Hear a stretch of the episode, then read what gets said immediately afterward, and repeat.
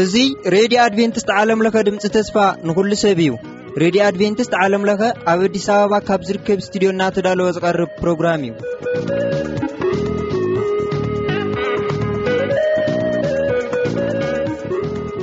በብዘለኹም ምኸንኩም ልባውን መንፈሳውን ሰላምታና ይብጻሕኹም ንብል ካብዚ ካብ ረድዮ ኣድቨንቲስት ረድዮና ወድኣዊ ሓቂ ዝብል ትሕዝቶ ኣቐዲምና ምሳና ጽንሑ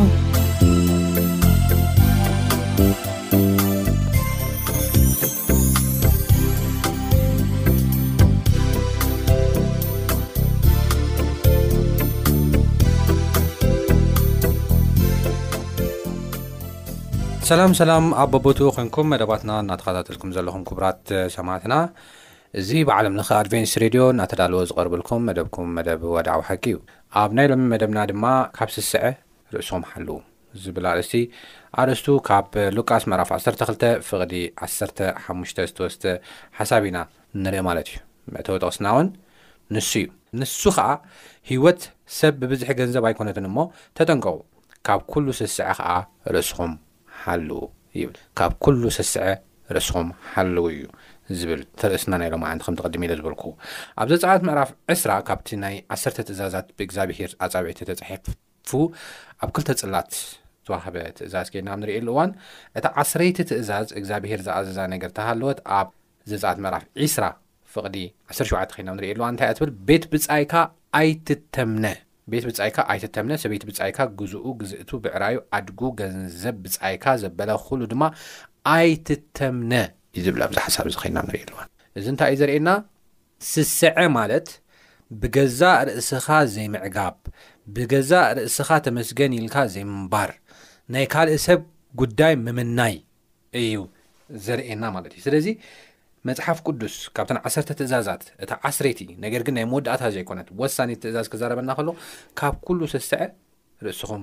ሓሉ ክብለና ከሎ ኢና ንርኢ ብዛዕባ ስስዐ ክዛረበና ከሎ ስሱዓት ናብ መንግስቲ ሰማያት ኣይኣትውን እዮም ኢሉ ሓደ ግዜ ዘይኮነስ ደጋጊሙ ደጋጊሙ ደጋጊሙ ይዛረበና ከም መጀመርያ ሓሳብ ግን ክሪኦ ዝደሊ ኣብ ቀዳማይ ቆሮንቶስ ምዕራፍ 6 ፍቕዲ 9 ክሳብ 1 ዘሎ እዩ እዚ ጥቕሲ እዚ እንታይ ይብል ዓመጽቲ ንመንግስቲ ኣምላኽ ከም ዘይወርስዋዶ ኣይትፈልጡን ኢኹም? ምስ በለ፣ ኣይትስሓቱ፣ ኣመንዝራታት ወይ መምለኽቲ ጣዖት፣ ዘመውቲ ወይ ሕንቁቓት፣ ወይ ግብሪ ሰዶም ዝገብሩ ሰረቕቲ፣ ወይ ስሱዓት ወይ ሰካራት፣ ወይ ተጻረፍቲ ወይ ዘረፍቲ፣ ንመንግስቲ ኣምላኽ ኣይክወርስዋን እዮም ይብል። ስሱዓት ንመንግስቲ ኣምላኽ ኣይወርሱን እዮም። እዚ ጥቕሲ እዚ ጥራሕ ኣይኮነን፣ ኣብ ቆላስያስ ምዕራፍ ሰለስተ ፍቕዲ ሓሙሽተ ከይድና ኣብ ንርእየሉ እዋን፣ መንግስቲ ኣምላኽ ጥራሕ ዘይኰነሲ፣ ቍጥዓ ኣምላኽ እውን ንኽወርድ ዚገብር ባህሪ ኸም ዝዀነ፣ እዚ ትእዛዝ እዚ ምፍራስ፣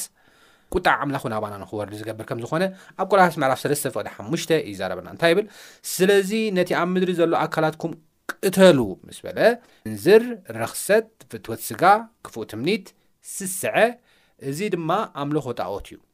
ብሰሪ እዚ ነገር እዚ እቲ ቁጥዓ ኣምላኽ ኣብቶም ደቂ ዘይምእዛዝ ይወርድ እዩ ይብለና። ብሰሪ እዚ ነገር እዚ እቲ ቁጥዓ ኣምላኽ ኣብቶም ደቂ ዘይምእዛዝ ይወርድ እዩ። ስለዚ ስስዐ ኣምላኽ ዘይፈትዎ ካብ መንግስቲ ኣምላኽ ዘትርፈና ቁጥዓ ኣምላኽ እውን ኣባና ንኽነብር ንኽወርድ ዝገብር ኣምልኾ ጣኦት እዩ። እዚ ጥቕሲ እዚ ቁጥዓ ኣምላኽ ኣባና ክወርድ እዩ ዝብል ጥራሕ ዘይኮነ ዝብል እዚ ሓሳብ እዚ እንታይ እዩ ዝብል ስስዐ እዚ ድማ ኣምልኾ ጣኦት ይብሎ። ስስዐ ንባዕሉ ኣምልኾ ጣኦት እዩ። ገንዘብ ከም ኣምላኽ ጌርካ ገንዘብ ከም ሓደ ጎይታ ጌርካ ምስጋድ ማለት እዩ ስስዐ ማለት እዩ። ንዑ እኮ በቃ ኣምላኽ ትገብሮ ንዑ ንኽትደሊ ግዜኻን ጉልበትካን ሓይልኻን ፕላንካን ዘለካ ነገራት ኩሉ ትውፊ ማለት እዩ ትስእን ንምንታይ ነቲ ጎይታ ክትደሊ ጎይታ ዝገበርካይ ነገር ንሱ ድማ ገንዘብ ንክትረክብ ማለት እዩ እሞ ኣምልኾ ጣኦት እዩ እዚ ኣምልኾ ጣኦት እዚ ካብ ብዙሕ ሽግር ከም ዘትርፈና መሰክር እዩ ኣብ መፅሓፍ ቅዱስ እዚ ኩሉ ዝነበሮ ክብሪ ብስስዐ ምክንያት ዝሰኣነ ፍጡር እዚ ፍጡር እዚ ከይድና ንሪእሉ ዋን ካብ ኣምላኽ ክብሪ ተዋሂብዎ ነይሩ እዚ ክብሪ እዚ ግን ብሰንኪ ስስዐ ኩሉ ስኢንዎ እዩ መን እዚ ሉሲፈር ዝበሃል ወይ ድማ ኮኸብ ፅባሕ ተባሂሉ ኣብ ኢሳያስ ምዕራፍ 14 ፍቕዲ 12 ጀሚሩ ዘሎ ሓሳብ ኣብ ንሪእሉ ዋን ማለት እዩ እዚ ኮኸብ ፅባሕ በቲ ዝተዋህቦ ነገር ስለ ዘይዓገበ፣ በቲ እግዝኣብሄር ዝገበረሉ ነገር ስለ ዘይዓገበ እንታይ ገይሩ? ከም ኣምላኽ ክኸውን፣ ክብረይ ድማ እንተ ኣሽሙ ክዝርግሕ ኢሉ ኣብቲ ናቱ ዘይኮነ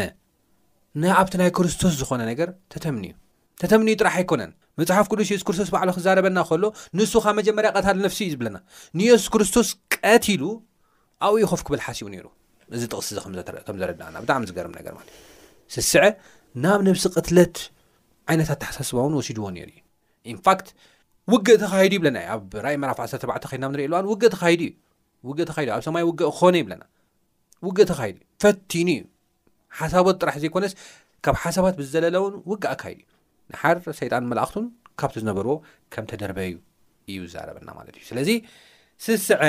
ናይ ሓጢኣት ናይ መጀመርያ ጥንስስ ይተበልናዮ ምግናን ኣይከውንን እዩ ማለት እዩ። ናብዚ ኩሉ ዓይነት ድሕሪ እዩ ሰይጣን ኣብቲ ሰማይ ኮኖ እውን እዚ ናይ ስስዐ መንፈስ ናብ ካልኦት ብምትእትታው ናብ ካልኦት ብምስራፅ ንክዋግኡ ገይርዎም ኣብ ኣምላኽ ክለዓሉ ገይርዎም ካብዚ ብተወሳኺ ድማ ናብዚ ምድሪ ብዙም መጺኡን እቲ ናቱ ዘይምዕጋብ እቲ ናቱ ናይ ስስዐ መንፈስ ናብ ዓለም ናብ ደቂ ሰባት እውን ኣውሪዱ እትዎ እዩ ስለዚ ናይዚ ኩሉ መንጪ ናይዚ ኦሪጂናል ሲን ንብሎ ናይ መጀመርያ ሓጢኣት መሰረት እንታይ ንብሎ ንኽእል ኢና ማለት እዩ ስስዐ እዩ ክንብሎ ንኽእል ኢና ብዘለካ ዘይምዕጋብ ንዓይ ንዓይ ምባል ማለት ከም ዝኾነ እዩ ዘርእየና ማለት እዩ ስለዚ ካብ ስስዐ ክንሕሉ ኣለና ካብ ስስዑ ክንሕሎ ኣለና። ኣብ ሓንቲ ጥቕሲ ከንብብ እሞ ናብቲ ቀጻሊ ሕቶይ ክሓልፍ እደሊ። ንሳ ድማ ኣብ ቀዳማይ ጢሞቴዎስ ኩሉ ግዜ ዝፈትዋ ጥቕሲ ኣብ ቀዳማይ ጢሞቴዎስ ምዕራፍ ሽዱሽተ ፍቕዲ ሽዱሽተ ክሳብ ሸውዓተ ዘላ እያ። እንታይ እዩ ዝብል ጳውሎስ? ይኣኽለኒ ምባልሲ ካብ ኩሉ ትርፊ ኣነ እታ ጥቕሲ ብምልኣ ተተንብባ ደስ ይብለኒ። እቲ ኩሉ ትርፊ ሕጂ ሰባት ዝስስዑ ትርፊ ክረኽቡ እዮም። ነገር ግን ጳውሎስ ክዛረብ ከሎ እቲ ዝዓበየ ትርፊ እቲ ዝዓበየ በረኸት ግን ይኣኽለኒ ምባል ከም ዝኾነ ይዛረብ ከምዚ ይብል ማለት ናብ ዓለም ሓንቲ እኳ የምፃናን ይብል ቀዳማይ ጢሞቴዎስ ምዕራፍ ሽዱሽተ ካብ ሽዱሽተ ጀሚረ ከ ግና ከ ኣምልኾ ምስ ይኣኽለኒ ምባል ዓብዪ ረብሓ እዩ ይብል እቲ ዝዓበዪ ረብሓ ናይ ሰብ ተተምኒኻ ትረኽቦ ዘይኮነስ እቲ ዝዓበዪ ረብሓ ይኣኽለኒ ምብሃል እዩ። ምስ ምንታይ? ምስ ቅድስና፣ ንኣምላኽ ምስ ምፍቃር እቲ ዝዓበየ ረብሓ ይብለና። ማለት ንባዕሉ እኮ ናብ ዓለም ሓንቲ እኳ የምጸእናን እሞ ሓንቲ ክንወስድ ኣይከኣለናን እዩ ይብል ማለት እዩ እሞ ይኣኽለኒ ክንብል ይኣኽለኒ ምባል ምስ እግዚኣብሄር ብቕድስና ምምላስ ድማ ከም ፍቃዱ ክንመላለስ እግዚኣብሄር ጸጉ የብዝሓልና። ምናልባት ሓፍትና ችቹ ኣብዚ ዘለኪ ሓሳብ ክትውስኺ ትኽእሊ ኢኺ ነገር ግን ብዛዕባ ናይ እያሱ ኣብ እያሱ ምዕራፍ ሸውዓተ ዘሎ ሓሳብ እንታይ እዩ ተኸሲቱ? ብዛዕባ ስስዐ ከ እንታይ እዩ ዝነግረና እሱ ሓሳብ እሱ? ኣብ እያሱ ምዕራፍ ሓሙሽተ እግዚኣብሄር እንታይ ኢልዎም ዮርዳኖስ ምስ ሰገርኩምሲ እቲ እግዚኣብሄር ንኣኹም ዝሃበኩም ምድሪሲ ትወርሱ ኢልዎም ነይሩ ንእስራኤል ማለት እዩ እና ሕዚ ዮርዳኖስ ክሰግሩ ከሎ እቲ ማይ ተመቕ ኢልዎ ዶ ከም መንደቕ ጠጠው ኢሉ እዩም ሰጊሮም ማለት እዩ ድሕሩ ምስ መፁ እዞም ነገስታት ኣብ ከነኣን ዝነብሩ ነገስታት ኩሎም ካብቲ ናይ እስራኤል ግርማ ዝተላዓለ እንታይ ኮይኖም ልቦም መክሽኹ ነይሩ ማለት እዩ እያርኮ ይብል ኣብ ምዕራፍ ሽዱሽተ ክንርኢ ከለና ካብ እስራኤል ዝተላዓለ ተዓፅያ ነይራ እዩ ድሓረ ግን እንታይ ኮይኑ እግዚኣብሔር ንእያርኮ ክትኣትዩ ከለኹም ናብ እያርኮ ክትኣትዩ ከለኹም ኢሉ ሓንቲ ነገር ኣብኡለ ነገር ኩሉ ነገር እንታይ ገበሩ ኣጥፍዎ ኢሉ ሓንቲ ነገር ከይትወስቱ ኣጥፍዎ ኢልዎ ማለት ምዕራፍ ፍቓድ ተኸይድና ክንሪኢ ከለና ግን ሕሩም ኢልዎ እግዚኣብሔር ሕሩም እዩ እዚ በቃ እዚ ኣብ ያርኮ ለሎ ነገር ርኹስ እዩ በቃ ንዓኹም ኣይኹን ኣጥፍዎ ኢሉ ማለት እዩ ዳሓረ ግን ኣብ ምዕራፍ ሸውዓተ እያርኮ ኣትዮም እዚ እግዚኣብሔር እንግዲህ ሸውዓተ ሻዕ ዘይሮም እዛ ከተማ ዳሓረ እዚ ሓፁር እቲ መንደቂ ግንቢ ተደርሚሱ ምስ ኣተዩ ሓደ ሰብ እንታይ ይገብር መሲሉ ካደ ኣከኣን ልበሃል ሰብ እንታይ ይገብር ካብቲ ሕሩም እግዚኣብሔር ሕሩም ካብ ዝበሎ ነገር ይወስድ ሓብኡ ይኸር ማለት እዩና ደሓር እዚ ምስ ኮነ እግዚኣብሄር እዚ ሕሩም ዝኾነ ሓጢኣት ርእዩ ደሓር ንእስራኤል እንታይ ገይሩ ንሙላእ እስራኤል ማለት እዩ ልገርመካ ብጣዕሚ ኣነ ልገርመኒ ክፍሉ እዩ ኣካኣኒ እዩ ኣጥፍእዎ ዶ ኣካኣኒ ኣጥፍኡ ከሎ ግን እግዚኣብሄር ንኩሉ እስራኤል እንታይ ገይሩ ክሰዕሩ ገይርዎም ቀፂሎ ቀፂሉ ናብ ዘለዎ ከተማ ቀፅሉ ናብ ዘለዎ ውግእሲ ክስዕሩ ኣይከኣሉን ናተሰዓሩ ላሞቱ ላተቐተሉ ገለ መፅኦም ካብኡ ድሃረ እያሱ እንተ ኮይኑ ኦ እግዚኣብሄር ንሰኻ ዳኾንካ ኢኻ ካብዚ ስኹላይ ዮርዳኖስ ዘስገርካና እዚ ኹላይ እያርኮ ኣኢድና ላሃብካ ሕዚ ለለ መጺና ኣዚ ተዋሪድና ተስዒርና ሲ እዞም ነገስታት ብምልኦም መጺኦም ኮ ክውዱና እዮም እግዚኣብሔር ምሰለ ተጎንቢሑ እያሱ ሃም ኢሉ ላበኸ ላሃለ እግዚኣብሔር ታይ ብሎ ተልዓል ኣብ መዓልኮልኩም ሕሩም ዝኸውነ ነገር ልገበረ ሰብ ኣሎ ይብል ማለት ሕሩም ዝገበረ ሰብ ኣሎ ኣውፅዎ እሱ ይብል ማለት ዳሓራ መወዳእታ ግን ታይ ገሮም ነዚ ሰብ እዚ ብቢ ነገዶም ካብኡ ዳሃረ ብቢ ዓሌት ስላገሩ መወዳእታ መወዳእታ ናዚ ሰብ ምስርድርኡ ይርከብ ማለት እዩ እግዚኣብሄር እንታይ ኢሉ፣ እስራኤል ሓጢኣት ገበረ፣ እቲ ዝኣዘዝክዎ ኪዳነይ ከኣ ኣፍረሱ፣ ካብቲ ሕሩም ወሲዱ፣ ሰሪቑ ከኣ፣ ሓሰዉ ድማ፣ ኣብ ማእከል ኣቕሑኦምውን ኣንበርዎ። ኣብ ማእከል ኣቕሑኡ ኣንቢሩ እንሆ ሓደ ሰብ እዩ። እግዚኣብሄር ግን ኣብዚ እንታይ ይብሎ፣ እስራኤል እንታይ ገይሩ፣ ሓጢኣት ገይሩ፣ ዝኣዘዝክዎ ኪዳነይ ኣፍሪሱ፣ ካብቲ ሕሩም ወሲዱ ኢሉ እዩ ዚዛረብ፣ ኣብ ሸውዓተ እያሱ ምዕራፍ ሸውዓተ ዓሰርተ ሓደ ማለት እዩ። ደሃረ ክተልዓል እሞ፣ ነዚ ነግሪ ኣጽሪ እሞ፣ ካብ መንጎ ኣብ መንጎ እዚ ህዝቢ እዚ ካብ ዘሎ ካብዚ ሓጢኣት እዚ ኣፅሪ ዩ መጀመር ድሕሪኡ እዩ ዓወት ክኾነልካ ኣነ ዝበልኩካ ኣይተኣዘዝካን ኢሉ ከብል ከለዎ ንርኢ ማለት እዩና እያሱ ከዓ ኣንጊሁ ተንስኡ ነቶም ነገዳት ፀውኡ ብማይ ቤቶም መወዳእታ ኣቢሉ ማለት እዩ ካብኡ ድሓረ መወዳእታ ኣከዓ እንታይ ይብል መሲሉ ከ ኣብ እስራን ሓደን ብጣዕሚ ይገርመካ ማለት እዩ ኣብ እያሱ ሸውዓተ ዕስራን ሓደን ኣብቲ ተዘምተ ሓደ ጽቡቅ ባርኖስ ስናኦር ክልተ ሚእቲ ስቃል ብሩርን ሓምሳ ስቃል ሚ- ዝሚዛኑ ልሳን ወርቅን ምስ ረኣኹ ሽኡ ተመነኽዎ እሞ ወሲደ እንሆ ከኣ ኣብ ማእከል ድንኳነይ ኣብ ምድሪ እቲ ብሩር ድማ ብትሕቲ ተሓቢኡ ኣሎ ይብል ማለት ወሲዱ ሓቢኡዎ ተመንየዮ በቃ ስስዐ ልበልና ዩ ኣንተል ስስዐ ሲ ሂወት ዋላ የርስዕካ እዩ ሂወት የርስዕካ እዩና እዚ ሰብ እዚ ከምኡ ከም ዝበለ ኢና ንርኢ እዚ ኩላይ ግን ሕርሚ እኒኦ ኣብ ማእኸልኩም ሕርሚ እኒኦ ኣውፅኡ ክበሃል ከሎ ኣይወፀን እኮ ተፃርዩ ተፃርዩ ተፃርዩ ኣብ መወዳእታ ግን ምስ ስድርኡ እዚ ሰብ እዚ ምስ ዘለዎ ንብረቱ ኣነ ዝገረመኒ ሲ ምስ- ኣ- ምስ ዘለዎ ንብረቱ ምስ ጥሪቱ ምስ ዘለዎ ኩሉ ነገር ካብቲ እስራኤል ክምንቀስ ካብቲ እስራኤል ክተወፅኡ ክቅተል እዩ ተገይሩ እዚ ኣካር ማለት እዩና ስስዐ ከቢድ እዩ ወ- ናይ እግዚኣብሔር እውን ኣየርእካይ ኣነ ተ- ትማል ድዩ ትማል ይመስለኒ ኣብ ሬድዮ ላሰማዕኹ ነይረ ሬድዮ ላሰማዕኹ ላመፃኹ ነይረና ኣቦን ወድን እዮም እዚ ይረዐካ እና እና መሬት ጉዳይ ነይርዎም ና መሬት በቃ እርስ በርሶም ይበዓሱ ብመሬት በቃ ብስስዐ ንዓይ ንዓይ ብምባል ኣቦን ወድን እዮም እስኪ ይረዐካ ካብኡ ዳሓደ ግን እቲ ኣቦ ንወዱ በቲ ኣብ ገጠር ነገር እዩ ጦር እዚ ብጦር እዚ መውግዒ ገርካ ብጦር ገይሩ ይወግዖ ማለት እዩ ዳሓር ማለት ወዲቁ ዝወዲ ኦረዲ በቃ እንትን ኢሉ ዳሓር ግን እዚ ኣቦ ሞይቱ ዶ ኣይሞተን ኢሉ ክርኢ ፅግዕ ይብሎ እቲ ወዲ ብዘሎ ዘየሎ ሓይሉ ተጠቒሙ እንደገና በቲ ተወግኦ ጾር ኣልዕሉ ማለት እዩ ነቲ ኣቦሞ ክልቲኦም ብሓደ እዮም ተቐቢሮም እና እሱላ ሰማዕኹ ነይረ እና ስስዐ ሂወትካ ኳስ ዋጋ እዩ ለስእነካ ሂወት በዕሉ ሲ ሰብ ሃመ ገይሩ ውሉድ ወላዲ ንውሉዱ ከምኡ ይገብር ሃመ ገይሩ ውሉድ ንወላዲኡ ከምኡ ይገብር ክንዲዚ ባይዘወይ ሰይጣን ኣብ ሰማይ ዝገበሮ እዚ እዩ ማለት እዩ እግዚኣብሄር እዩ ኣቦኡ ወዶና ሰይጣን ግን በቃ ንህይወቱ ካስ ከብል ኣይገበሩን በቃ ስስዐ ማለት እዩና ናይ ስስዐ ኩሉ ኣቦ ዝኾነ ሰይጣን ካብዚ ምድረኣ ኣሎ ንሰባት ይመርሒ እዩ ዘሎ ማለት እዩ ስለዚ ንኣካን ሓጢኣት እግዚኣብሄር ሰኡሉ ኣይገደፎን ትልሕዝነካ ግን ብኣካን ምክንያት እንታይ ኮይኑ እስራኤል ብምሉእስ በዲሉን ኢሉ እግዚኣብሄር ዳሓረ ትእሕርምሲ ኣብቲ እስራኤል ብምሉእ እዩ ወሪዱ ገለገለ ግዜ እንታይ ኢኮም መሲሉ እኮ ኣህና ብልሰሰዓናዮ ኣህና ብለበልናዮ ንስድራና ንዘርማን ዘርና ንህዝብና ንተርፍ ማለት እዩ እግዚኣብሄር በቃ ኣብ መንጎ ህዝቢ ዝርከብ ርክሰት ሕዚ ንኣብነት ኣካን ረእይዎ ኣካን በዓሉ በደሎ በደል ምስ ስድርኡ ምስ ኩሉ ንጥሪቱ እዩ ከብል ኮይኑና ገለ ገለ ግዜ ልበይ እንትና ንዓይ ንዓይ ንዓይ ክንብል ከለና ኣብ ዙርያና ለሎ ነገር እውን ከይጠመትና ተሪፍና ኣብ ቁጣዓ እግዚኣብሄር ኣብ ብበዓልና ብርመፅና ነገር ናብ ሞት ክንከይድ ንኽእል ኢና ናና እዚታት ክንጥንቀቂ እዩ ንኣካን ሂወት ለርእና ብጣዕሚ ዝገርም እዩ ስስዐ ኮታስ ዘምፅኦ ነገር የለን ደይ ምእማን እውን እዩ ደይ ምእማን እዩ እግዚኣብሄር ኣጥፍእዎ ክብል ከሉ እዚ ርኹስ እዩ ንዓኹም ኣይረብሕን እዩ ኣይጠቅምን እናተባሃለ ነገር ግን ካብ ስስዐ ዝተልሐለ ስስዐ ንባዕሉስ ከይንኣምንስ ይገብረና እዩ ማለት እዩ ከምቲ ዝበልክዮ ተኾይኑ ስስዐ ንባዕሉስ ንኸይንኣምን ይገብር። እዚ ጥራሕ ግን ኣይኮነን። ሕጂ ብዛዕባ ስስዐ ንባዕሉ ሓደ ብዛዕባ ስስዐ ክትዕሊ ከለኻ ሓደ ከልዕሎ ዝደሊ ሓደ ይሁዳ እዩ። ይሁዳ ኢየሱስ ክርስቶስ ዓቢ ነገር ዝረኣየሉ ሰብ እዩ ነይሩ ቱ ቢ ኦነስት ካብቶም ደቀ መዛሙርቱ ምሒር ዘቕርቦ ዝነበረ ሰብ እዩ። ካብቶም ደቀ መዛሙርቱ ገንዘብ ተሓዘ ዝነበረ ሰብ እዩ። ዝተፈላለየ ኣድላይ ገዳሲ ነገር ክወሃብ ከሎ ይሁዳ እዩ ገንዘብ ዝቦም ዘከፋፍሎም ኢቨን ዝገዝእ ነይሩ ትሬጀረር ዝነበረ ንሱ እዩ ሓላፍነት ዝነበረ እዩ ምሁር ዝነበረ ውን ንሱ እዩ ቫልዩ ዝነበረ ብዙሕ ቦታ ዝነበረ ንሱ እዩ መንእሰይ እዩ ዓብዪ ኮነ ከም በዓል ቤት ምሁር እዩ እና እዚ ኩሉ እና ግን ርእሲ ክውፍ ይከኣለን ግን የሱስ ክርስቶስ ቢኮዝ ኦፍ እንታይ ስስዐ ብምክንያት ስስዐ ማለት እዩ እና ኣብ ዮሃንስ ወንጌል ምዕራፍ 12 ኩሉ ግዜ ከምብቦ ከለኹ ታእሽሙ ዝገብረኒ ሓሳብ ኣሎ ብዛዕባ ይሁዳ ዝገልፀለይ እንታይ ይብል ሽዑ የሱስ ሽዱሽተ መዓልቲ ቅድሚ ፋሲካ ዮሃንስ ወንጌል ምዕራፍ 12 ካብ ሓደ ዝጀምር ናብታ ንሱ ካብ ምዉታት ዘተንስኦ ኣልኣዛር ዘለዋ ናብ ቢታንያ መጸ። ኣብኡ ኸኣ ድራር ገበሩሉ። ማርታ ተገልግል ነበረት፣ ካብቶም መቐማጦ ሓደ ኸኣ ኣልኣዛር እዩ። ማርያም ድማ ሓደ ነጥሪ ብዙሕ ዝዋግኡ ቕዱይ ቅብኢ ጽሩይ ናርዶስ ወሲዳ ኣብኡ ገይራ ኣእጋር የሱስ ለኸየት፣ ሓፍቱ ኣልኣዛር ማለት እዩ። ብጸጉሪ ርእሳ ደረዘቶ፣ እታ ቤት ከኣ ብመኣዛ ትቕዱይ ቅብኢ መልአት። ካብቶም ደቀ መዛሙርቱ ሓደ፣ እቲ ኸትሕዞ ዘለዎ ይሁዳ ኣስቆርጣዊ ወዲ ስምዖን ግና፣ እዚ ቕዱይ ቅብኢ እዚ ከመይ ግዳ ንሰለስተ ሚእቲ ድሪም ተሸይጡስ ንድኻታት ዘይወሃብ? በለ። ድሕሪኡ ዘሎ ጥቕሲ እዩ ዝገርመኒ ኣነ። እዚ ዝበለ፣ ይብል መጽሓፍ ቅዱስ ድሓር ዮሃንስ ክዛረብ ከሎ፣ እዚ ዝበለ ሰራቒ ስለ ዝዀነ እዩ እምበር፣ ንድኻታት ሓልዩሎም ኣይኰነን። ማሕፉዳ ምስኡ ነበረ እሞ፣ ካብቲ ኣብኡ ዝኣተወ እውን የልዕል ነበረ ይብለና። ስለዚ እዚም ድኻታት ንምንታይ ዘይከውን ክብል ከሎ እቲ ገንዘብ ብዝሓት ርእዩ ናብቲ ማሕፉዳ ክኣቱ እሞ ካብቲ ማሕፉዳ ከዓ ክሰርቆ እዩ እቲ ናቱ ሎጂክ ዝነበረ እዩ ዝብለና ዘሎ ናይ ዮሃንስ ኣተሓሳስባ ብጣዕሚ ዝገርም ነገር ስርቂ ስስዐ ንክንሰርቕ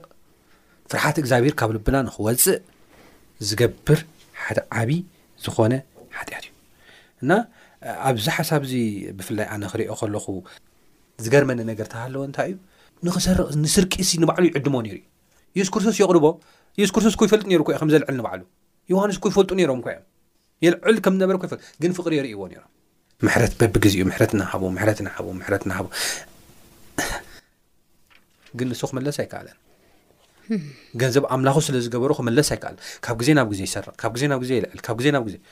ኣምላኽ ኣይርእኒ እናበለ የሱስ ኣይፈለጥኒ እናበለ ደቂ መዛሙርቱ ኣነ የሽክዑም ኣለኹ እናበለ ደሓረይ የሱስ ጀንትሊ ገሲጽዎ ግደፍዋ ኢልዎ ግደፋ እዚኣ ንሞተይ ታእሽሙ ዝገብር ኣላ ጽቡቅ ገይሩ ጀንትሊ ገሲጽዎ ማለት እዩ ከይሕፈሮ እውን ታእሽሙ ከይገበረውን እናፈለጠ ስለ ኣመሉ እናፈለጠ ማለት ነገር ግን ይሁዳ እዚኣ ስለ ዝሰምዐ ናይ ገንዘብ ፍቅሪ እውን ስለ ዝነበረቶ እታ ገንዘብ እውን ስለ ዝባኻነቶ እንታይ ገይሩ ይብለና ወፀ ከይዱ በኒኑ ወጺኡ ዳሓር ታይ ገይሩ ኣብ ማቴዎስ ምዕራፍ ዕስራን ሽዱሽተን ኬድና ኣብ ንሪኤሉ እዋን ካህናት ምስ ካህናት ተዋዒሉ ሰላሳ ቅርሺ ወሲዱ ንየሱስ ክርስቶስ ኣሕሊፉ ክህቦ ካህናት ሒዞ ከም ዝመጸ ኢና ንርኢ ኣብ ጌተሰማኒ ብጣዕሚ ዝሕዝን ነገር ማለት እዩ እሞ ስስዐ ሓደ ክንሰርቕ ይገብረና እዩ ናብ ስርቀት ይመርሓና እዩ ስስዐ እግዚኣብሔር ፍርሓት ካብ ልብና የውፅኦ እዩ ስስዐ እንደገና ናብ ቅትለት ይመርሓና እዩ ከምቲ ቅድም ኢለ ዝበልኮ እውን ሓሳብ ዘሎ ማለት እዩ እሞ ካብ ስስዐ ርእስና ክንሕሉ ኣለና ካብ ስስዐ ክንሕሉ ኣለና ትንሳኤ ናብ ስርቂ ስለ ዝመርሓና ምናልባት ምስ ስርቂ ተታሒዙ ግን ካብ ስርቂ ከይወፃና ሃናናን ሰጲራን ከይዘከርና መቸም ክንሓልፍ ኣይንኽእልና ሃናን ሰጲራን ብፍላይ ኣብ ሃዋርያት ግዜ ዝነበሩ እዮም ድማ ፅቡቕ መንፈስ ኣብ ዝነበረሉ ግዜ ኢንፋክት ልክዕ ምስቲ ቅድሚ ኢልክ ዝበልክ ሓሳብ ይመሳሰል እዩ ኣብ እስራኤላውያን ዓቡ ዓወትን ሓድነትን እዩ ነይሩ ኣብ ሃናንያን ሰፒራን ዝነበርዎ ግዜውን ናይ ሃዋርያት ግዜ ጽቡቕ ሓድነትን ፍቕርን እዩ ነይሩ እሞ ኣብ ከምዚ ኩነታት ከለዉ ግን ሃናንያን ሰፒራን እንታይ እዮም ገይሮም እንታይ ከ ተኸሲቱ ካብኡ ከእንታይ ንመሃር ሓፍትና ችቹ ድሕር ክርስቶስ እንግዲና ሓድሽ ክዳን ንመጽእ ኣለና እና ቅድሚ ክርስቶስ እውን ኣብ እያሱ ኣንቶ ክንርኢ ከም ዝጸንሓናዮ እግዚኣብሄር ብሓይልን ብምልኣትን ብክብሪ እናሰርሐ ኣብ ዝነበረሉ ግዜ ሓደ ሰብ ኣብ መንጎ እዚ ህዝቢ እዚ ተረኺቡ ነዚ ህዝቢ መርገምቲ ከም ዝኾነ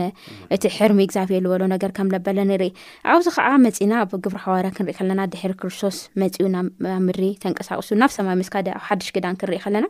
ለለ ተመሳሳሊ ስድራ ኢና ንረክብ ማለት እዩ እዞም ስድራ እዚኦም እንታይ ዓይነት ግዜ እዩ ነይሩ መሲሉካ እቲ ግዜ እሱ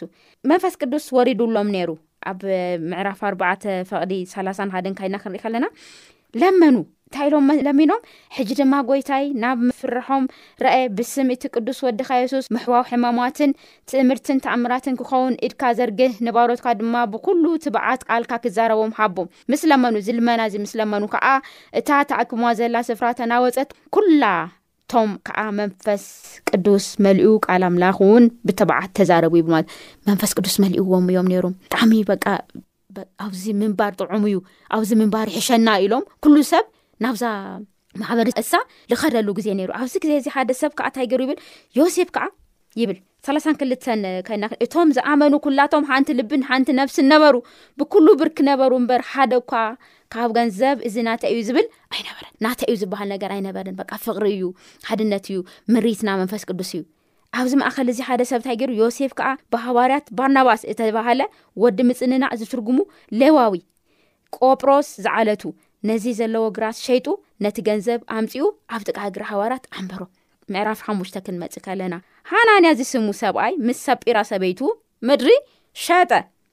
ካብቲ ዋግኡ ከዓ ምስ ሰበይቱ ተማኺሩ መቒሉ ኣትረፈ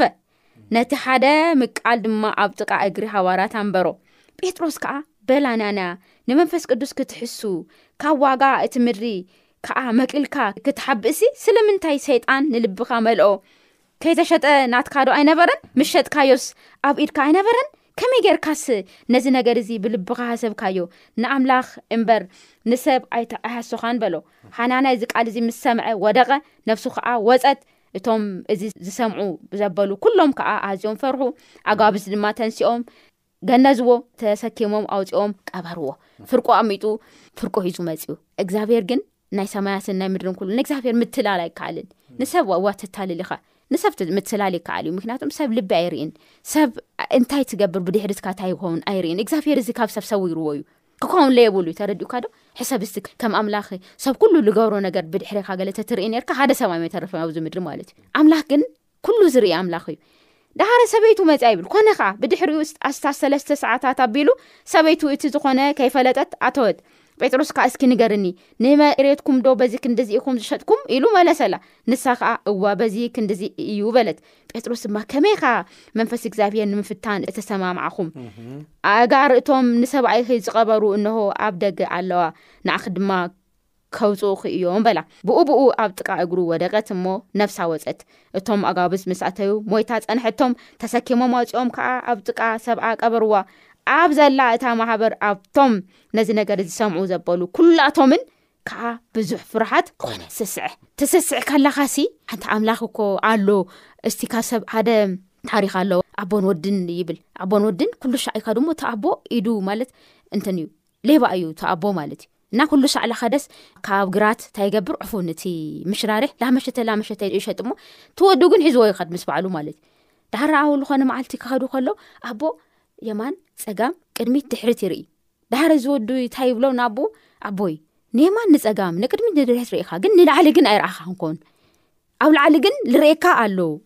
ምስ በሎ ይብል እቲ ታሪክ ተኣቦ ወቀ ደንጊፁ ገዲፉ እቲ ስርቂ ገዲፉ ከም ለወፀ ይነግርና እና ገለገለ ግዜ የማን ፀጋምና ንርኢ ሰብይ ረአና ገለ ኢልና ንፍፅመሉ ግዜ እኒኦ ግን እግዚኣብሄር ኣይታለልን እግዚኣብሄር ኣይታለልን ክንስሕት ለይብልና ነገር እግዚኣብሄር ኣይታለልን እዞም ሰብ እዚኦም ናብ ዓሎም እኮ እዩ ኣይንህብ ማለት ብስሩ ከይሸጡ ለከ ንእግዚኣብሄር ንምትላል ሃየምፅኦ ካልኦት ክገብሩ ሪኦም እሲ ኣይ በቃናለ ካልእ ክገብር ርእኻ ክትገብሮ ነገር ኣይኮነና እግዚኣብሄር ነገር ማለት እና ስስዐ ክንዳየናይ ከቢድ ከም ዝኾነ ንበዓል ካለ ክተታልል ይገብረካ ንእግዚኣብሄር ለ ክተታልል ከም ልመስለካ ኒካ ዶ ዳሓረ ግን ጴጥሮስ እዚ ኩሉ እግዚኣብሄር ገሊፅሉ ጴጥሮስ ሰብ እዩ ነይሩ ግን ብቅዱስ መንፈሳ ቢሉ እግዚኣብሄር ገሊፅሉ ዝገበርዎ ነገር ኩሉ እና እንታይ እዩ ዝላርእካ እግዚኣብሄር ኣይታለልን ንሰብ ክነታልል ንኽእል ኢና እቲ ዋና ነገር ግን ናይ ስስዐ ሕምቅና ናይ ሞት መንገድኻ ወላስ በዓሉ እዩ ልመርሓካ ማለት እዩ ስለዚ ካብዚ ነገር እዚ ክንጥንቀቕ እዩ ዝነግረና እግዚኣብሔር ይባረክ ሓፍትናችሁ ብጣዕሚ ደስ ዝብል ሓሳብ ይክብክና ምናልባት ኣብ መወዳእታ ግን ክሪኣ ዝደላ ኣነ ከይጠቀስኒ ክልፍ ዘይደሊ ነገር ተሃለወ እንታይ ከመይ ጌርና ኢና ካብ ስስዐ ክንድሕን ንኽእል ስስዐ ካብ ካልኦት ሓጢኣታት ፍልይ ዘብሎ ሓደ ሓደ ግዜ ከይተስተውዕሎ ውን ትኸእል ኢኻ ኣኖቲስድ እዩ ሕጂ ሰንበት ክተፍርስ ከለኻ ብሰንበት መዓልቲ ክትሰርሕ ከለ ክትምሃር ከለኻ ትፈልጦ ኢኻ ልብኻ ውን ነገረካ እዩ ልብኻ ንሓዘነ ገለ ከመይ ጌረ ሰንበት ኣፍሪሰ ትብሎ ኢኻ ግልጺ ዝረኣየካ እዩ ክትሰርቕ ክትጻረፍ ከለኻ እዚ ብደንቢ ኢኻ ኖቲስ ትገብሮ ሓጢኣት ከም ዝገበርካ ትርድኦ ኢኻ ገለ ስስዐ ግን ኖቲስ ከይትገብሮ ትኸእል ኢኻ ኣመል ኮይኑ ምስ ባህሪኻ ተወሃሂዱ ማለት እዩ እቲ ሽግሩ እዚ እዩ ኣምላኽ ተደይ ርኢካ ከቢድ እዩ። ስለዚ ነዚ ነገር እዚ ምእንቲ ክትርኢ ሰለስተ መፍትሕታት ኣብ ናይ ሎሚ ናይ ስርዓትና ተቐሚጠልና ኣሎ ተቐዳማይ ምውሳን እዩ ምውሳን እዩ ብደንቢ ጌርካ ኣነ ካብ ስስዐ ህይወት ይሃሉካ ኣይሃሉካ ኣነ ካብ ስስዐ ህይወት ክድሕን ኣለኒ ናይ ይኣኽለኒ ምንባር ብዝብል ህይወት ክለማመድ ኣለና ኣብ ቀዳማይ ጢሞቴዎስ ምዕራፍ ሽዱሽተ ፍቅዲ ሽዱሽተ ክሳብ ሸውዓተ ከም ዘንበብናዮ ዓቢ ረብሓ እዩ እግዚኣብሔር ምስ ምፍራሕ ምስ ቅድስና ምስ ኣምልኾ ይኣኽለን ምባል ዓቢ ረብሓ እዩ ስለዚ ካብዚ ነገር እዚ ክተርፍ ኣለኒ ኢለ እንታይ መጀመርያ ክገብር ኣለኒ ክውስን ክኽእል ኣለኒ ውሳነ ሰብ እንተደይ ወሲኑ ካብዚ ነገር እዚ ክገላገል ኣይከ መፅሓፍ ቅዱስ ዝክርቲ ኮንኪ ብእያሱ ዓንቶ የልዒልክና ነርኪ 24 ምዕራፍ 15 እውን ከና ንሪኦ ኣሎ እያሱ እንታይ ይብል ንስኻትኩም ንተምልኽዎ ምረፁ ኣነን ቤተይን ግና ንእግዚኣብሔር ከነምልኽ ኢና ክብል ከሎ ኢና ንርኢ እያሱ። ስለዚ ከምዚ ዓይነት ውሳኔ ሰብ ክስስዕ ይኽእል እዩ፣ ሰብ ታኽ ክኸውን ይኽእል እዩ፣ ከጥፍእ ይኽእል እዩ። ነገር ግን ኣነን ቤተይን ግን ካብዚ ነገር ክንድሕን ኣላ ኢሉ ክውስን ክኽእል ኣለዎ። ሓደ ሰብ ወይ ድማ ክንውስን ክኽእል ኣለና። እቲ ካልኣይ ቀጻሊ ዝኾነ ጸሎት ክንጽሊ ክንክእል ኣለና። መጽሓፍ ቅዱስ የሱስ ክርስቶስ ብዛዕባ ጸሎት ክምህረና ከሎ ኣብ ዝሓለፈ ርኢና ኢና። ኣብ ሰማይ እትነብር ኣቦና ስምካ ይቀደስ፣ መንግስትኻ ትምጻእ፣ ፍቓድካ ከምቲ ኣብ ሰማይ ከምኡውን ናብ ምድሪ ይኹን። ናይ ዕለት እንጌራና ሎሚ ሃበና፣ ንዝበደሉና በደሎም ከም ዝሓደግናሎም በደልና ሓደግና፣ ካብ ክፉእ ኣድሕነና እምበር ናብ ፈተና ኣይትእትወና ኢልና ክንጽሊ ኣለና። ናብ ፈተና ኣይትእትወና። እዚ ብዝሓለፈ ብደንቢ ጌርና ርኢና ኢና ብዛዕባ ጸሎት። ናብ ፈተና ኣይትእትወና ኢልና ክንጽሊ ኩሉ ግዜ ክንጽሊ ክንከል ኣለና ርግጽ እዩ ኣብ ቀዳማይ ቆሮንቶስ ምዕራፍ 1 ፍቅዲ 13 ከይና ንሪኦ ኣለዋን ካብ ዓቕምኹም ንላዕሊ ክትፍተኑ ዘይፈቅድ ኣምላኽ ይብል ዘይፈቅድ ኣምላኽ ቅሩብ ግዜ ምስ ተፈተንኩም ባዕሉ እንታይ ክገብረኩም እዩ ክድሕነኩም እዩ ዝበና ስለዚ በዚ መልክዕ እዚ ናብ ፈተና ኣይትእትወና ኢልና ክንፅሊ ኩሉ ግዜ ክንፅሊ ከም ዘለና ኢና ንርኢ እዚ ነገር እዚ ካብ ስስዐ ዘድሕነና ሓያል መንገዲ ስለ ዝኾነ ካልእ ቃል ኣምላኽ በብዕለቱ ኸነንብብ ኣሎና። ዳዊት ኣብ መዝሙር ዳዊት ምዕራፍ ሚእትን ዓሰርተ ትሽዓተን ቁጽሪ ዓሰርተ ሓደ ዄንና ኣብ ንርእየሉ እዋን፣ ንዓኻ ንኸይብድልሲ ቃልካ ኣብ ልበይ ሰወርኩ ይብል። ብኸናፍረይ ከይብድለካ፣ ብሓሳባተይ ከይብድለካ እንታይ ገብርኩ? ቃልካ ኣብ ልበይ ሰወርኩ። ስለዚ ቃሉ ብደንቢ ኸነንብብ፣ ቃሉ ብደንቢ ኸነጽንዕ ክንክእል ኣለና ማለት እዩ። እዚ ብንገብረሉ እዋን ካብዚ ነገር እዚ ካብዚ ናይ ስስዐ ካብ መንግስቲ ኣምላኽ ዘትርፈና ቁጣዕ ኣምላኽ ኣባና ክወርድ ዝገብር ስስዐ ዝኾነ ኣመል ክንድሕን ንኽእል ኢና ንኣምላኽ ድለይዎ ይብል ኢሳያስ ምዕራፍ 55 ቁፅሪ 6 ቀረባ ከሎ ድለይዎ ሓቲ እንታይ ግበር መንገዱ ይሕደግ ስለዚ ናብኡ ምምፃእ እሞ እግዚኣብሔር እንታይ ክገብሮ እዩ ክፍውሶ እዩ ይቕረ ክብሎ እዩ ይብል ስለዚ ንሕና ሓጢኣትና ገዲፍና ናብ ኣምላኽ ኣብ ንቐርበሉ እዋን እግዚኣብሄር ከም ዝምሕረና ከም ዝፍውሰና ይቕረ ከም ዝብለና ከም ዝቕበለና ይዛረብ እዩ እሞ እዚ ተስፋ እዚ ሒዝና ከምዚ ዓይነት ውሳኔ ሒዝና ካብ ስስዐ ህይወት ክንርሕቕ እግዚኣብሄር ጸጉ የብዝሓልና እናበልና ርእቶታትኩም ሕቶታትኩም ክትልእኹልና እዚ ንዓና ስለ ዘበረታትዐና ክትልእኹልና እናተላበና ርእቶታትኩም በዚ ዝስዕብ ኣድራሻ ለኣኹልና